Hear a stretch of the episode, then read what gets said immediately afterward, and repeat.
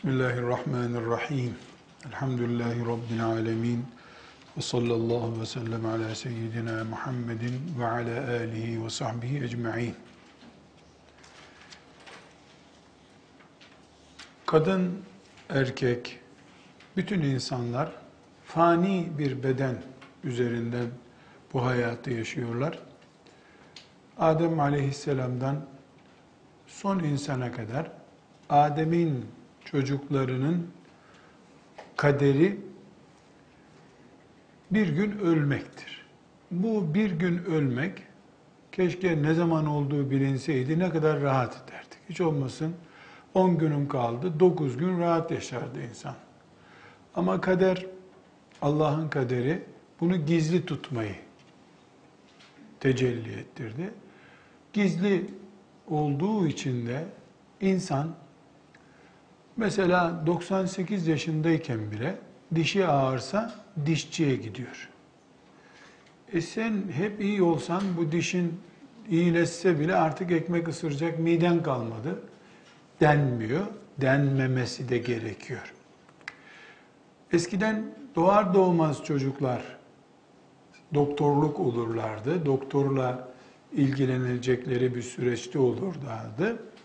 Şimdi e, gelişen teknoloji ve tıp sayesinde çocuklar doğmadan önce anne rahminden itibaren e, tıbbın kontrolü altına alınmaya çalışılıyor. Son gününe, son nefesine kadar da insan sağlıklı ve afiyetle yaşamak istiyor. Esasen buna biz hadis dilinde afiyet diyoruz. Afiyet, hani yemek yiyene de afiyet olsun deniyor ya. Ne demek? Yani bu yemek sana sorun olmasın, sağlığına yarasın demek. Afiyet. Efendimiz sallallahu aleyhi ve sellem bizim esasen afiyet peşinde olmamızı emretmiştir. Salullahel afiye buyuruyor. Allah'tan afiyet isteyin. Bela, sıkıntı, hastalık, her şey afiyetin aksidir. Afiyette olmak arzu ederiz. Allah'tan bunu murad eder, isteriz. Ama insanın bahtında hastalık vardır. Dolayısıyla belki 10 yaşında bir çocuk hastalık korkusu taşımıyordur. Ne olduğunu bilmediği için hastalığın. Daha önceki hastalıklarını, öksürüklerini vesairesini unutacak yaşta olduğu için. Ama ergenlik yaşından veya rüşt halinden sonra mesela bir 20-25 yaşından sonra insanın dişi ağırsa aklına ölüm geliyor. Beli ağırsa kafam kopacak zannediyor. İnsan yaşamaya daha çok tutunmak istiyor. Daha yoğun insan hayatta kalmak arzusuyla yaşıyor. Bu yüzdendir ki bu girişi neden yaptığımı izah edeyim. Bu yüzdendir ki kadim zamanlardan beri yani bu asırın icadı değil, kadim zamanlardan beri insanlar bir doktorun kendisine yakın olmasını isterler hep. Bu neden nedir ki tıp, tababet, yani tıp mesleğin adı, tababet de onu icra etmek demek. Tababet, bütün insanların beğenisindeki bir meslektir. Herkes onu ister. Doktor olmak, tabip olmak her çocuğun mesela hayalidir. Belli bir yaştan sonra, belli bir e, mesleğe geldikten sonra artık insan e, olamayacağını, doktor olmasının mümkün olmadığını anlayınca bu işten vazgeçer arzusundan. Ama her halükarda her insanın bir doktor olma ya da en azından bir doktora yakın olma arzusu vardır. Şimdi mesela şöyle söyleyeyim. E, emekli bir insanın hiçbir sağlık sorunu olmadığını düşünün. E, işte filan şehirden ev alacak. İki ev gösterin ona. Birisi devlet hastanesinin 100 metre yakınında olsun. Öbürü de 5 kilometre ötesinde olun. Hangisini istiyorsun diye bir sorun. Bakın fiyatından, evin oda sayısından önce nasıl hastaneye yakın olanla ilgilenecek. Çocuk bunu anlamaz. Çok genç, böyle boş hayat yaşayan, hayatında kıymetini bilmeyen, dünya ve ahiretinin değerini anlamayan birisi için belki böyle bir sorun olmaz ama yaşlı başlı, çoluk çocuk büyütmüş bir insan kendisini hastaneye yakın hisseder. Çok ince bir hesap yapılsa onun hasta olma nedeni de o hastaneye yakın olma arzusudur zaten. Psikolojik olarak da kendisini hastalığa hazır hale getiriyor. Çünkü insan hasta olmaya inandırdığı zaman kendisini yapacak bir şey yok. Hasta olur. Bu sebeple e, birinci sonuç olarak diyoruz ki insanın hastalık ve doktorluk e, romanı bitmez bir romandır. Adem Aleyhisselam zamanında belki devlet hastanesi, diş hekimliği falan yoktu. Ama onlar da hasta oldular. Çünkü beden çürümeye mahkum, sakatlanmaya, eskimeye, arıza yapmaya mecbur bir bedenimiz var. Böyle yaratmış Rabbimiz. En güzel, en iyi yaratmış. Buna hiç itirazımız yok. Böyle. Amenna billah ve radînâ bimâ hakamallah. Bitti. Böyle. Bundan sonra bir itiraz yok. Burada ana fıkıh konumuz değil ama özellikle e, bir e, dipnot olarak alabilirsiniz.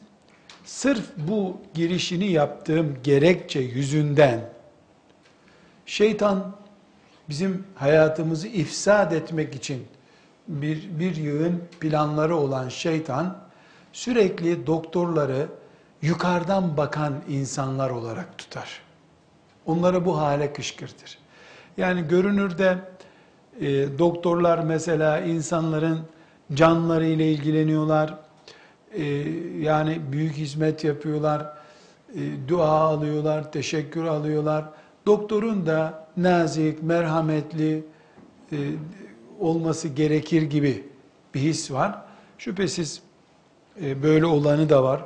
Allah onlardan razı olsun. İnsana hizmet ediyorlar çünkü. insana hizmet oranı yaklaştıkça bir işin değeri de artıyor demektir. Şimdi ama büyük oranda da doktorlardan ne şikayetin var diye soru sorduğun zaman hastalara hastalık sebebiyle veya hasta yakını olduğu için hastanede doktorla irtibat halinde olana ne şikayetiniz var?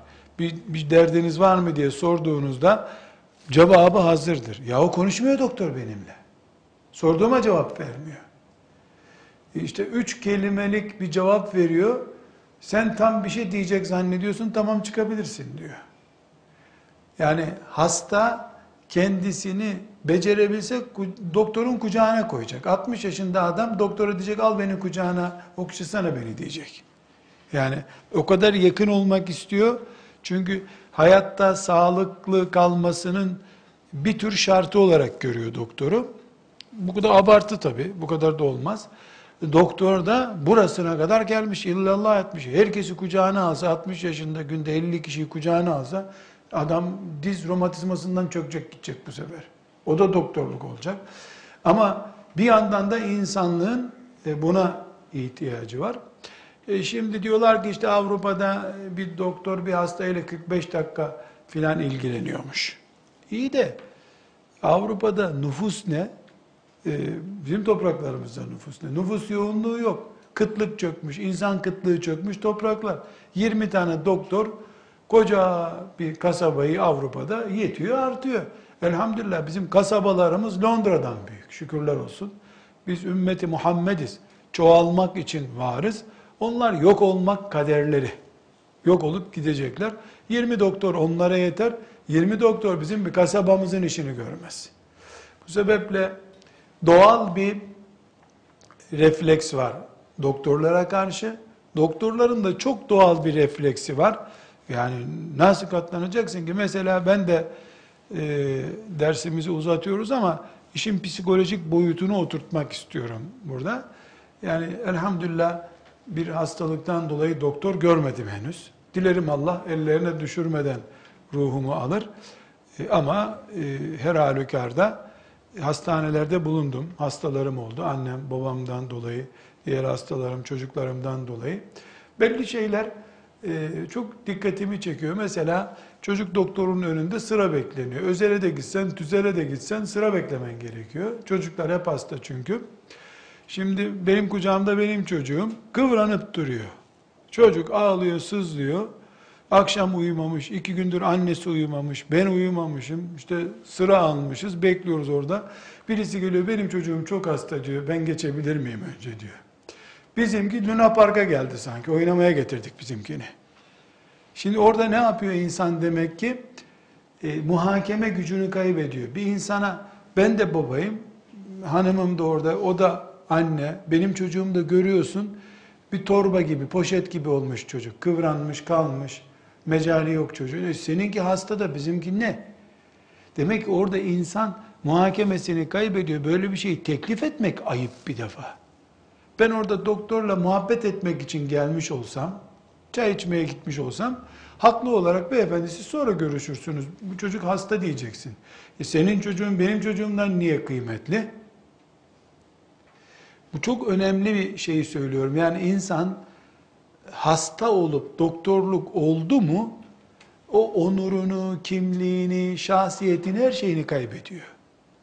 Hele benim şahsi kanaatim, kendi çocuklarımdan da bunu gördüm.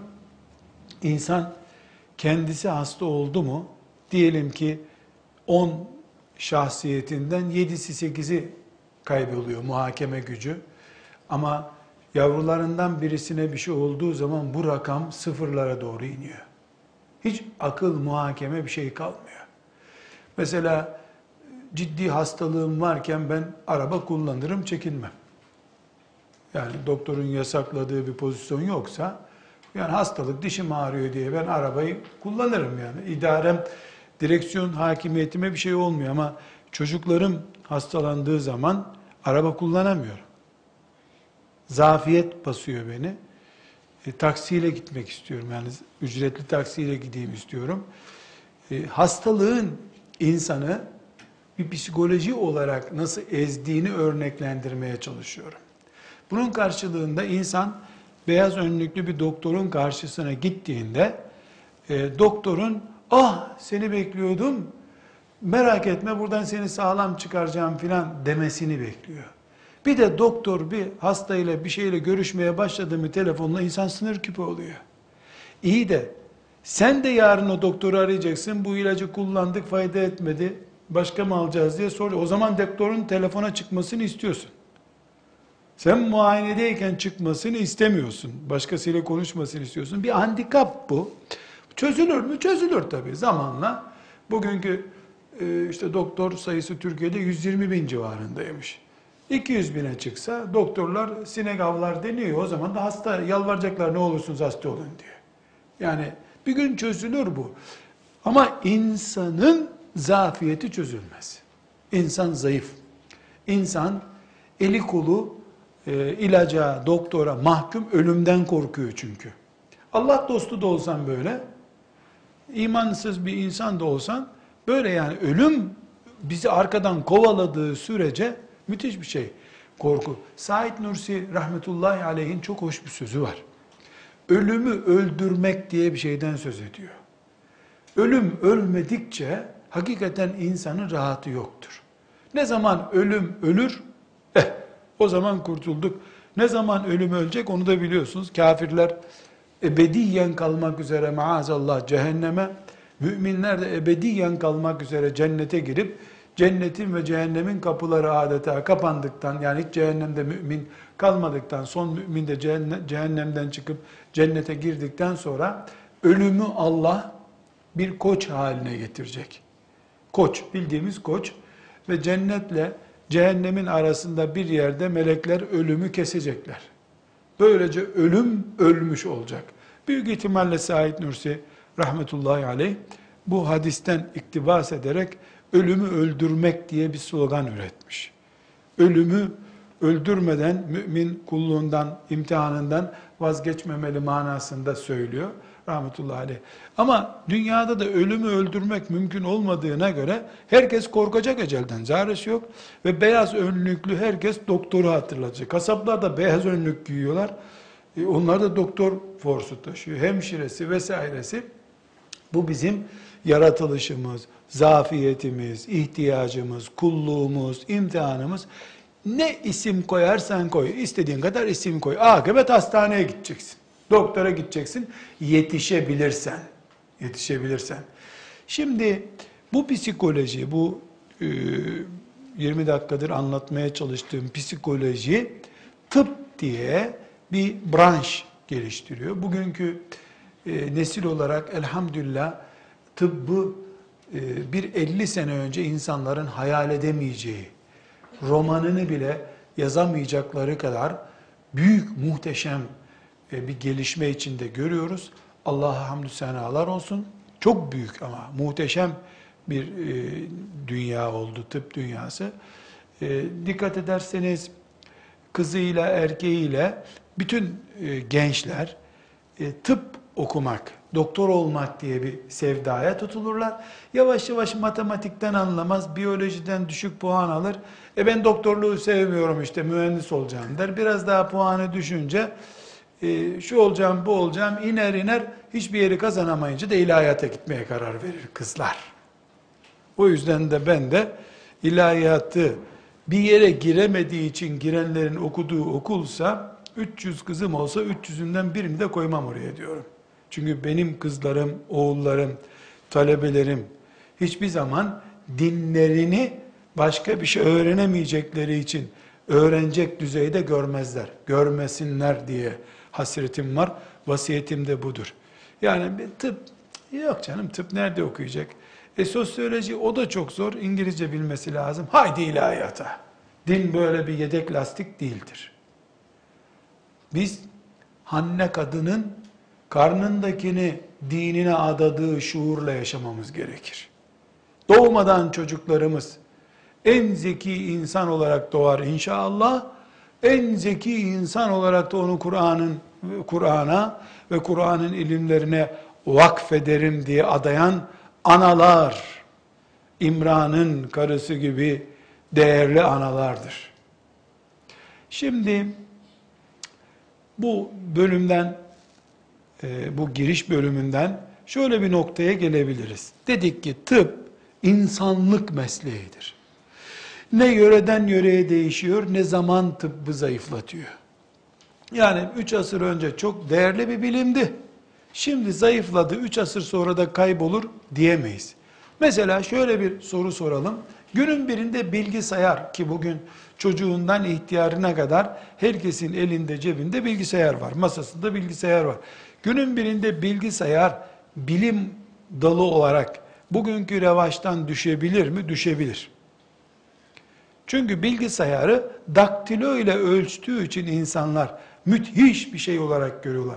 Yarın bilgisayarı geride bırakacak bir teknoloji muhtemel mi? Çok muhtemel. Belki 10 seneyi bulmaz. Bilgisayarı ödül olarak çocuğa verdiğinde bile ben bunu ne yapayım ya ne bu diyecek. Yani bilgisayarı kıymetsiz hale getirecek bir teknoloji onun boşluğunu daha fazlasıyla dolduracak teknoloji çıkabilir mi? Çıkar. Hiçbir sakıncası yok bunun. Belki de onun hazırlığı yapılıyordur. Teknolojik yatırımı yapılıyordur. Tıp hiçbir zaman böyle olmaz ama. Çünkü silikondan insan yapılmayacak. İnsan etten, kemikten, kandan olacak. Kaslardan, damarlardan oluşacak. E böyle olunca da insan doktora muhtaç. Şöyle bir ilaç yapmamız olabilir mi?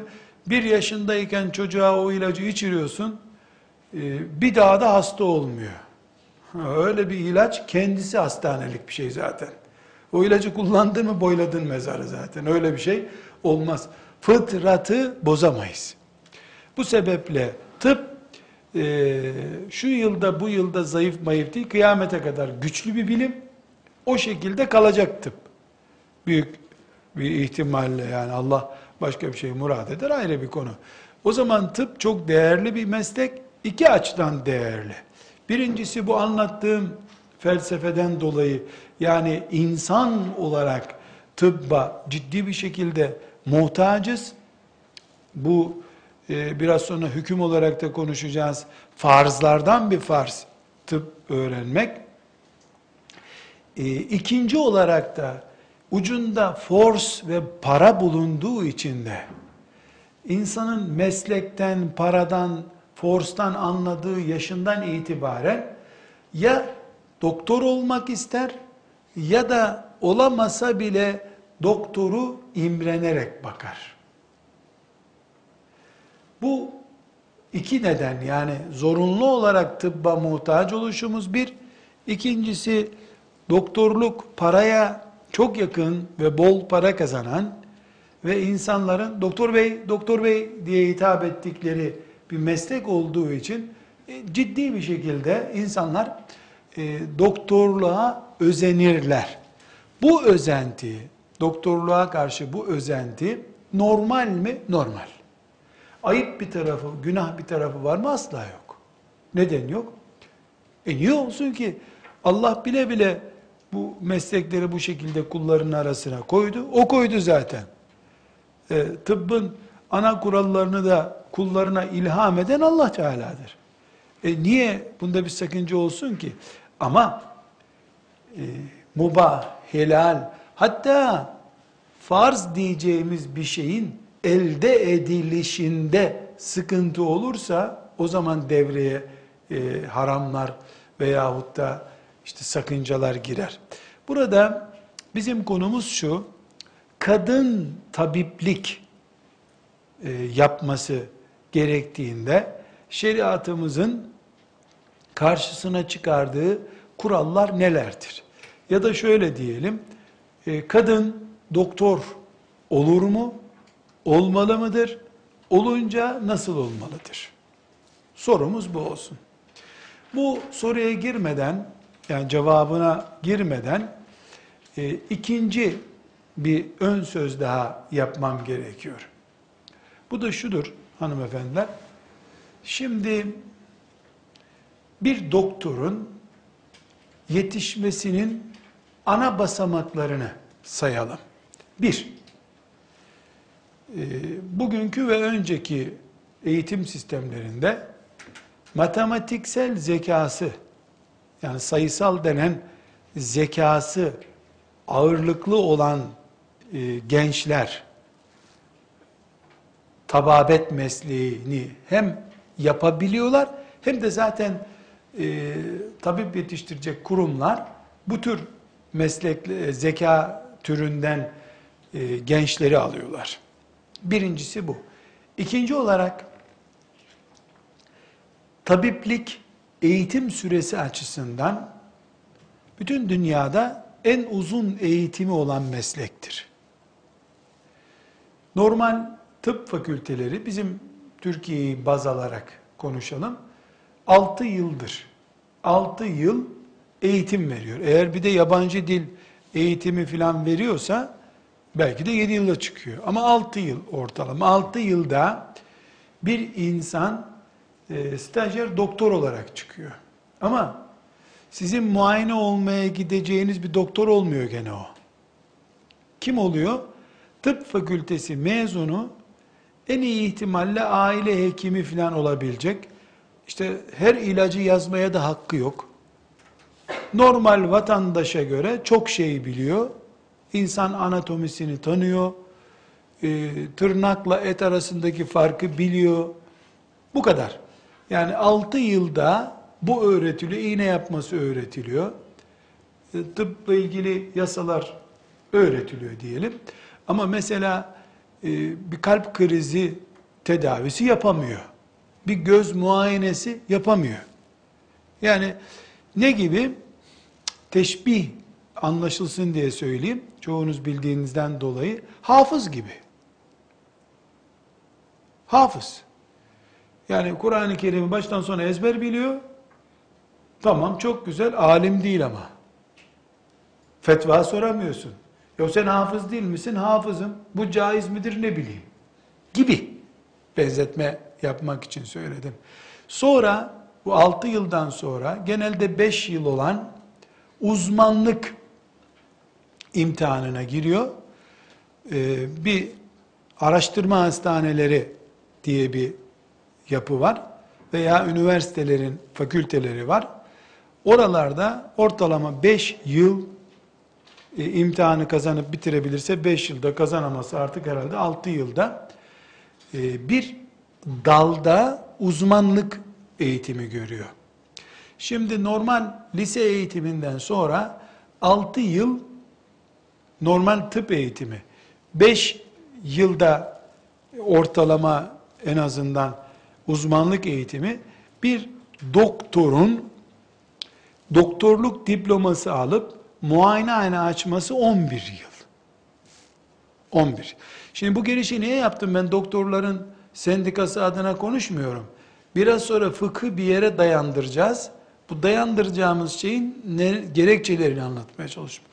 11 yıl zaman açısından tıp eğitimi en uzun eğitim dedik. 11 yılda bir diploma alıyorsun, şimdi dişini çekebilirsin diyor. Gerçi diş eğitimi bu kadar yüksek değil. Dış diş tedavisinin sadece diş bakım bölümü yani çene cerrahlığının girmediği bölümü o kadar uzun sürmüyor. Normal fakülte gibi bitiyor.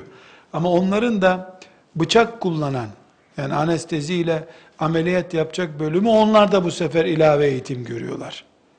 Öbürü sadece diş çekiyor, matkapla deliyor, alçıyla malçıyla boşluklarını dolduruyor ağzın. Yani o dişçilik bir bölüm. Şimdi zaman olarak çok uzun bir. İki, tıp ilmi eğitim olarak da gerçekten zor. E, kağıt üzerinden tarih kitabı okunur gibi doktor olunmuyor. Yani 100 cilt kitaptan imtihana giriyorsun, onları becerirsen doktor oluyorsun, yapmıyorlar. Olmaz zaten. Bir e, dişçinin veya işte bir kardiyoloğun, e, damar uzmanının binlerce hastanın üzerinde deneme yapması lazım. Binlerce hastanın. O kadar ki tabip hazik deniyor. Yani ehil, uzmanlaşmış. Hastasını gözlerinden tanıyan doktora doktor deniyor aslında. Hastasını gözlerinden tanıyabilecek hale gelmesi de bir doktorun 3 sene, 10 sene hastanede oturmakla, kitap okumakla olmuyor. Hastanelere gelen hastaları hocalarının nezaretinde şunu yap, bunu yap. Bir sürü hastaya da yanlış işler yapıyorlar o arada. Ama e, mecburen de öyle olması gerekiyor. Eğitim görüyor çünkü bu. Bu süreç de sıkıntılı bir süreç. Çünkü e, yüzde yüz şeriat kaidelerine göre bir devlet oluşturmuş olsak bile, o devlet çok güçlü fıkıh kaidelerine göre e, kurulmuş bir araştırma hastanesi kursa bile, erkek kadın karışımının yüzde yüz önlenebildiği bir hastane kurmak mümkün değil. Nasıl mümkün değil? Yani elbette devasına kadın hastanesi yazılır. Her branştan da kadın ve erkek ayrı ayrı doktor yetiştirebilirsin.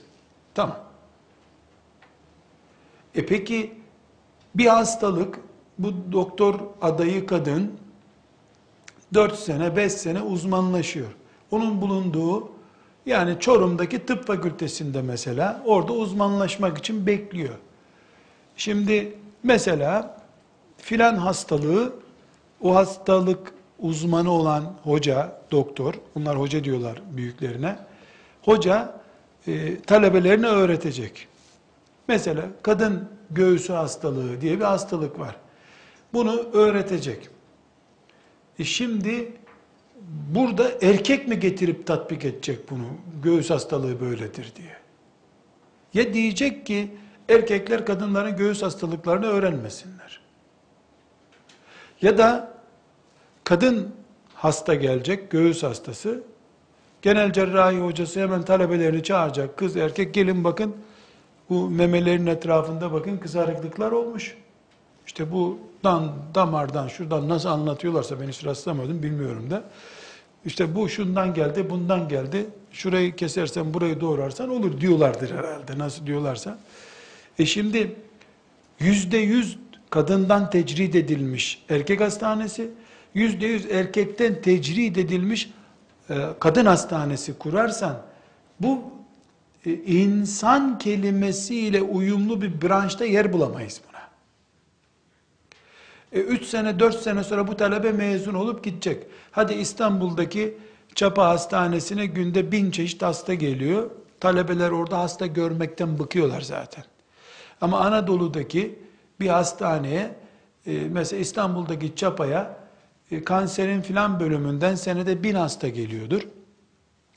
Bu e, Çorum'daki filan yerdeki Anadolu'daki bir fakülteye 10 senede 10 hasta gelmiyordur o hastalıktan. Şöyle bir örnek vereyim. Çok yakın zamanda başıma geldi. Annem Cerrahpaşa'da e, 4 aydan fazla bir zaman tedavi gördü. Kulak ağrısı diye gittik. Kulağı ağrıyor. 100 gün üzerine kulağının ağırmadığı, asıl sorunun kan hastalıklarından biri olan Wegener diye bir hastalık olduğu ortaya çıktı. O da asistanlardan biri işte vakit geçirmek için mi neyse bir de şunu soralım dedi. Bir tahlil yaptılar. Müjde hastalığı bulduk dediler annem ve genel hastası. Böyle saat 3-4 gibiydi. Akşam anneme bir ilaç verdiler. Sabahleyin annem kalktı. Halbuki biz o arada annemin mezar yerini bile ayarlamıştık. Yani annem vasiyetlerini yaptı filan. Tamam daha tedavisi yok. Hastalık gözüne vurdu, e, ciğerlerine vurdu, böbreğine vurdu. Yani götürmeye başladı hastayı. Sonra benim orada tanıdığım profesörler filan rica ediyordum. Bir ara uğrarım, bir ara uğrarım. Kimse uğramıyordu. Bir baktım annem ziyaret evine döndü. Gelen giden annemi bırakmıyorlar.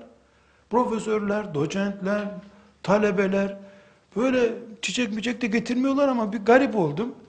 Oradaki bizim derslere katılan bir asistana dedim ki annemin nesi değişti dedim. Ölürken annem ilgilenmiyordunuz. İyileşmeye başladı geliyorsun. Hocam dedi bu vegener hastalığı dünyada 7 milyondan bir insana rastlıyor.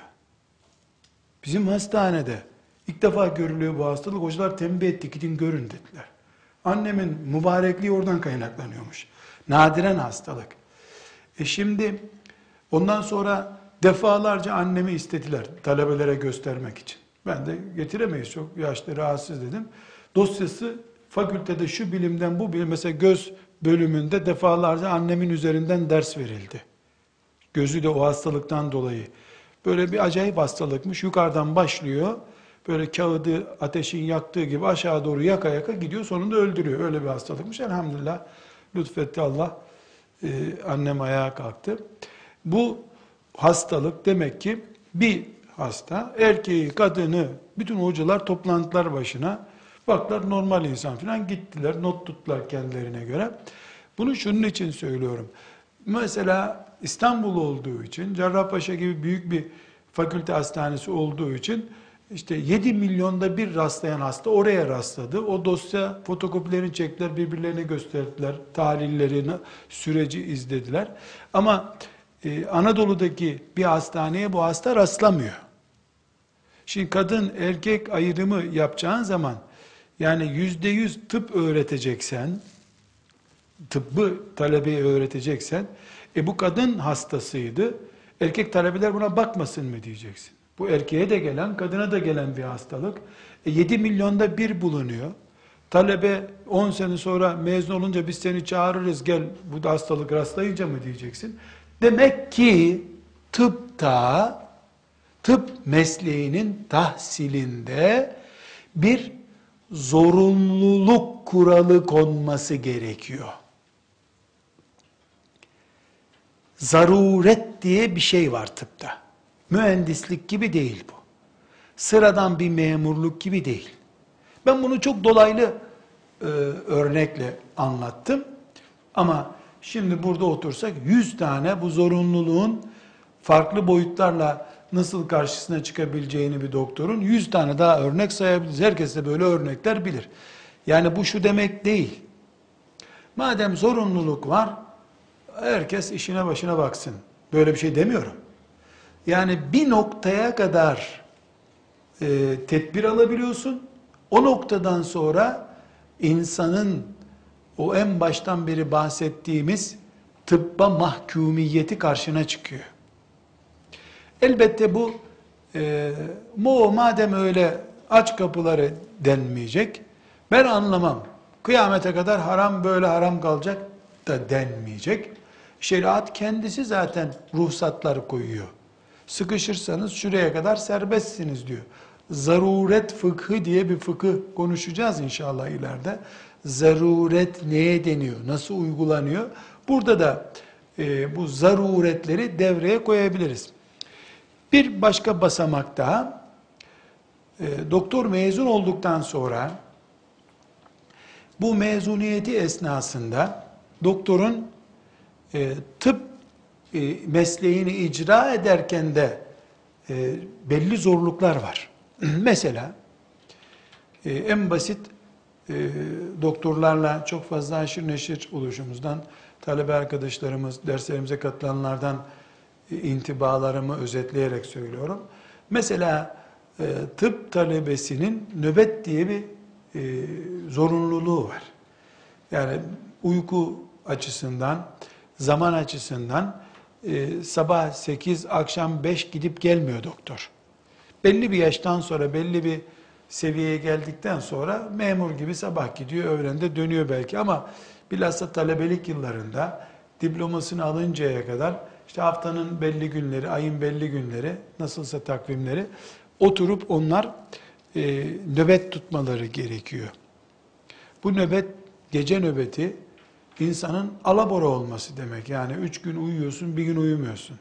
Sonra gündüz bir daha uyumuyorsun. Mesela nöbetçi oldukları zaman zannediyorum 30 saatten fazla ayakta kalıyorlar.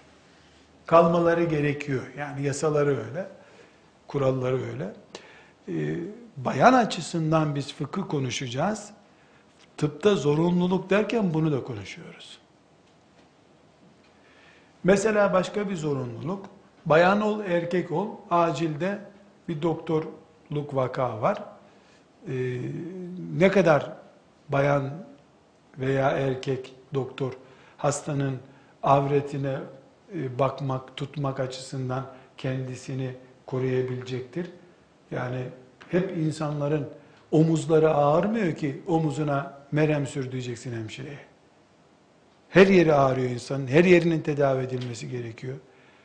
Hatta hiçbir sorun yokken tepeden tırnağa bir insana sağlamlık raporu verilmesi gerekiyor. E bu sağlamlık raporunda gözlerine bakıp sağlamlık raporu vermiyorsun. Yani e, tıbbı uygularken de tıbbı uygularken de büyük bir zorluklar var. Bu zorlukların telafi edilip olmaz bunu böyle bu tarafa koy diye alınıp konacak kadar kolayları var. E, o şekilde olmayacak mecbur yoğun e, bakılması gereken boyutu var. Her halükarda tıp zorlu bir meslektir. E, dolayısıyla fıkıh açısından doktorluğu ilgilendiren bölüm bir zorunluluklar diyeceğimiz kurallarla öğrenilmeli. İki, bu iş kadın boyutuna taşındığında zorluğun üstüne bir zorluk daha çıkıyor bu sefer. Şimdi ona da değineceğim. Sırf bu yüzden benim talebe arkadaşlarım diyelim, bakıyorum hep çocuk doktoru olmak istiyorlar. Ee, bir tanesine dedim niye çocuk doktoru olmak istiyor? En dertsiz hocam dedi, en dertsiz. E niye dertsiz dedim.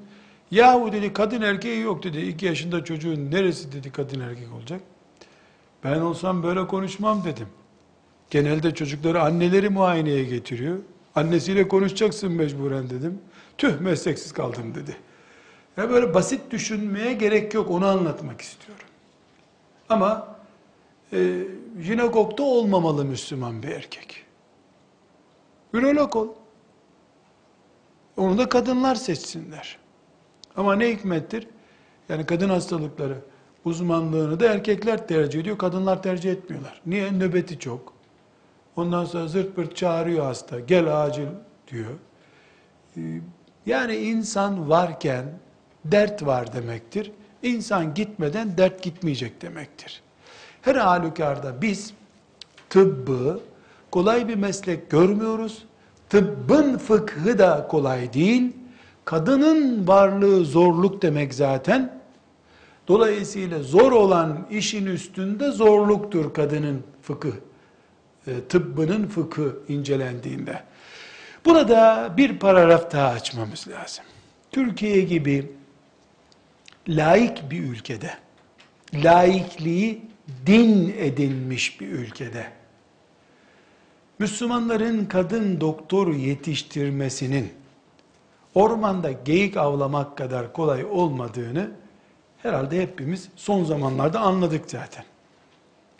Bir dönem Müslümanların kızlarının okullarda başını örtmesi diye bir sorun vardı. Müslüman e, aileler kızımızın e, tıp fakültelerinde başı açılır diye kızlarını tıp fakültelerine göndermek istemediler. Çok köylüce, kısır bir bakıştı bu.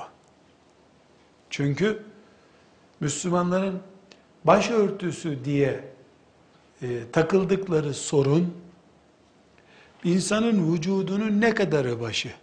Yüzde kaç baş? Yüzde onu baştır belki, yüzde doksanı baştan aşağısı. Baş örtülünce, ki şu anda mesela başın örtülmesinde sıkıntı yok kızlar açısından, baş örtülünce İslam geldi zannedildi. Halbuki başörtülünce İslam'a sıkıntı geldi. Çünkü başı örtülü, ruh açık, akıl açık bir nesil başörtüsüyle İslam'ın gelmesini sağlamadı. Bu başının açılmasını istiyoruz manasında değil herhalde. Herhalde onu konuşmuyoruz. Laik bir ülkede, laikliği din edinmiş bir ülkede, tıp fakültesinde veya filan fakültede Müslüman bir kızın eğitim görmesi, hani dedik ya tıp zor, kadın için zor, üçüncü zorluk bu. Bu üçüncü zorluk. Bütün bu üç zorluğun üstüne Müslümanın himmeti, heyecanı yüklenince, din ve dava aşkı, yaptığı meslekten ibadet sevabı kazanma heyecanı yüklenince, Müslüman kızlarımızın tıp okuyup Müslüman doktor olmalarını tavsiye ediyor muyuz diye bir e, noktaya gelirsek deriz ki Müslümanların kızları Müslüman olmayanların doktorluğuna muhtaç olmayacak kadar muhakkak e, tıp okumalıdırlar, doktor olmalıdırlar. Dördüncü bir basamak, e, yaklaşık olarak asgari 40 seneden beri talebelik, okuma ve benzeri konularla ilgileniyorum. E, bir teşkilatların içinde ilgileniyorum. Bir önceki derslerde de zikretmiştim. İslam'dan taviz koparmak için, haramlara karşı ruhsat almak için herkes e, kızımızı okutalım. Erkek doktorlara muayene olmaktan kurtarsın Müslüman kızlarımız diye bir parola bulmuş. O parolayı böyle asıyor. Kızını onun için fakülteye gönderiyor. Mesela e, fetva meclisimize gelen kız talebelerin sorularından da görüyorum. Hocam niye karşı çıkıyorsunuz? Ben dinime hizmet edeceğim diyor. Benim derdim para kazanmak değil. İşte doktor ben beyaz önlük için değil, cihat önlüğü için okuyorum diyor. E ben de cevap olarak diyorum ki bu ve şu çıkışlara karşı senin kalbindekini Allah bilir. Senin kalbinde kötü niyet var. Haşa sen münafıkça bunu söylüyorsun diyemem ben sana. Bu sözün ne kadar güzel. Cihat niyetiyle, ibadet niyetiyle Müslümanların çok çocuğu olsun. Dün daha e, bir kızımız e, niye bu fakültelerde e, diretiyorsun kızım diye sordum. E, dedi ki ümmeti Muhammed çoğalsın diye dedi. Yani sen bu diplomayı alırsan ümmeti Muhammed çoğalmış mı oluyor? Senin diploman bir milyar mı sayılıyor? E yok dedi hocam dedi nesil yetiştireceğiz dedi. Kaç yaşındasın dedim 27 dedi. Evli misin dedim yok dedi. Ne zaman evlenmeyi düşünüyorsun dedim. Hiç aklıma gelmedi dedi. Demek en erken 3 sene sonra evleneceksin. E ondan sonra da 7-8 sene ya doğuracaksın ya doğurmayacaksın. Sen ne zaman doğuracaksın da ümmeti Muhammed çoğalacak? Sözünle maksadın arasında çelişki var. Ben senin kalbindeki yalandır, iftiradır diyemem. Allah'tan korkarım. Samimisindir. Ama şeytan bu sloganı herkese söyletiyor. Diplomayı alıp bir devlet hastanesine yerleştin mi işin çok oluyor ondan sonra. Bir daha bu sözleri hatırlatmıyor kimseye. Bildim bileli kendimi hep böyledir bu işler. Allah'ın izniyle diplomayı bir alalım. Hmm, koltuğa bir geçelim. Hmm, geçtik. Müdür filan bir tayini çıksın şimdi dikkatini çekeriz. Yeni müdür geldi. Ben inşallah bakanlığa geçeceğim. Oradan bu işleri halledeceğiz. Bakanlığa geçtin. Emekliliğe çok az kaldı. Sürerler beni şimdi. Emekli oldun. E kendi canımın derdindeyim. Sizle mi uğraşacağım? Bu süreci hep böyle işletiyor. O yüzden doktorluk üzerinden dinime ve insanlığıma hizmetin mübarek, cihat, bereketli, ibadet gibi bir iş olduğunu vurgulaya vurgulaya söylerim. Tababet, Gazze'de, cephede cihat etmek gibidir. İnsana hizmet ediyorsun. E, secde edemeyecek, kamburu çıkmış, beli ağıran bir dedeyi tedavi ediyorsun. Gece teheccüde kalkıyor, sen de sevap kazanacaksın. Buna bir itirazımız yok. Ama bu fidanı büyütemezsen ona karışmam. Saksı da çok güzel, tarlaya ektin mi kuruyor. Pazarda görüyorsun çok güzel bu çiçeği alayım diyorsun, eve getiriyorsun, kuruyor. Yani şeytan, nefislerimiz bize tuzak kurup bu tıbbın zor zor zor, üç zorluk iç içe tıpta. Bu zorluklara karşı şeriatımızın ruhsat dediği şeylerini istediğin gibi kullan. Ondan sonra da e, sıra hizmete, hani ya sen talebeyken vaat ettiğin şeyler nerede? Hiç bitmiyor bunun emelleri. Böyle bir sıkıntıya karşı e, Allah'tan korkmayı hatırlatmaktan başka bir çaremiz yok şüphesiz. Her halükarda hanımefendiler, e, tababetin genel olarak insan diye bize hangi pencereden göründüğünü konuştuk. Genel olarak tababetin dinimizde oturduğu yeri konuşmaya çalıştık.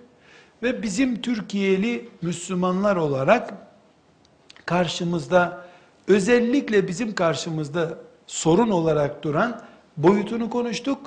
Artı tababet mesleğinde hizmet adıyla cihad edeceğim ve benzeri isimlerle yola çıkanların bu yol esnasında dökülmelerini bir sorun olarak konuştuk.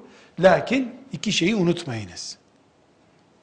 Birincisi herkes böyledir dersek bu zulüm olur. Herkes böyle değil şüphesiz. Bir genel görüntü var. O genel görüntüye bakınca böyle görünüyor. İki, herkesin niyeti Allah'tır. Biz böyle yanlış yapıyor diyebiliriz. Belki o niyetiyle kazanacak.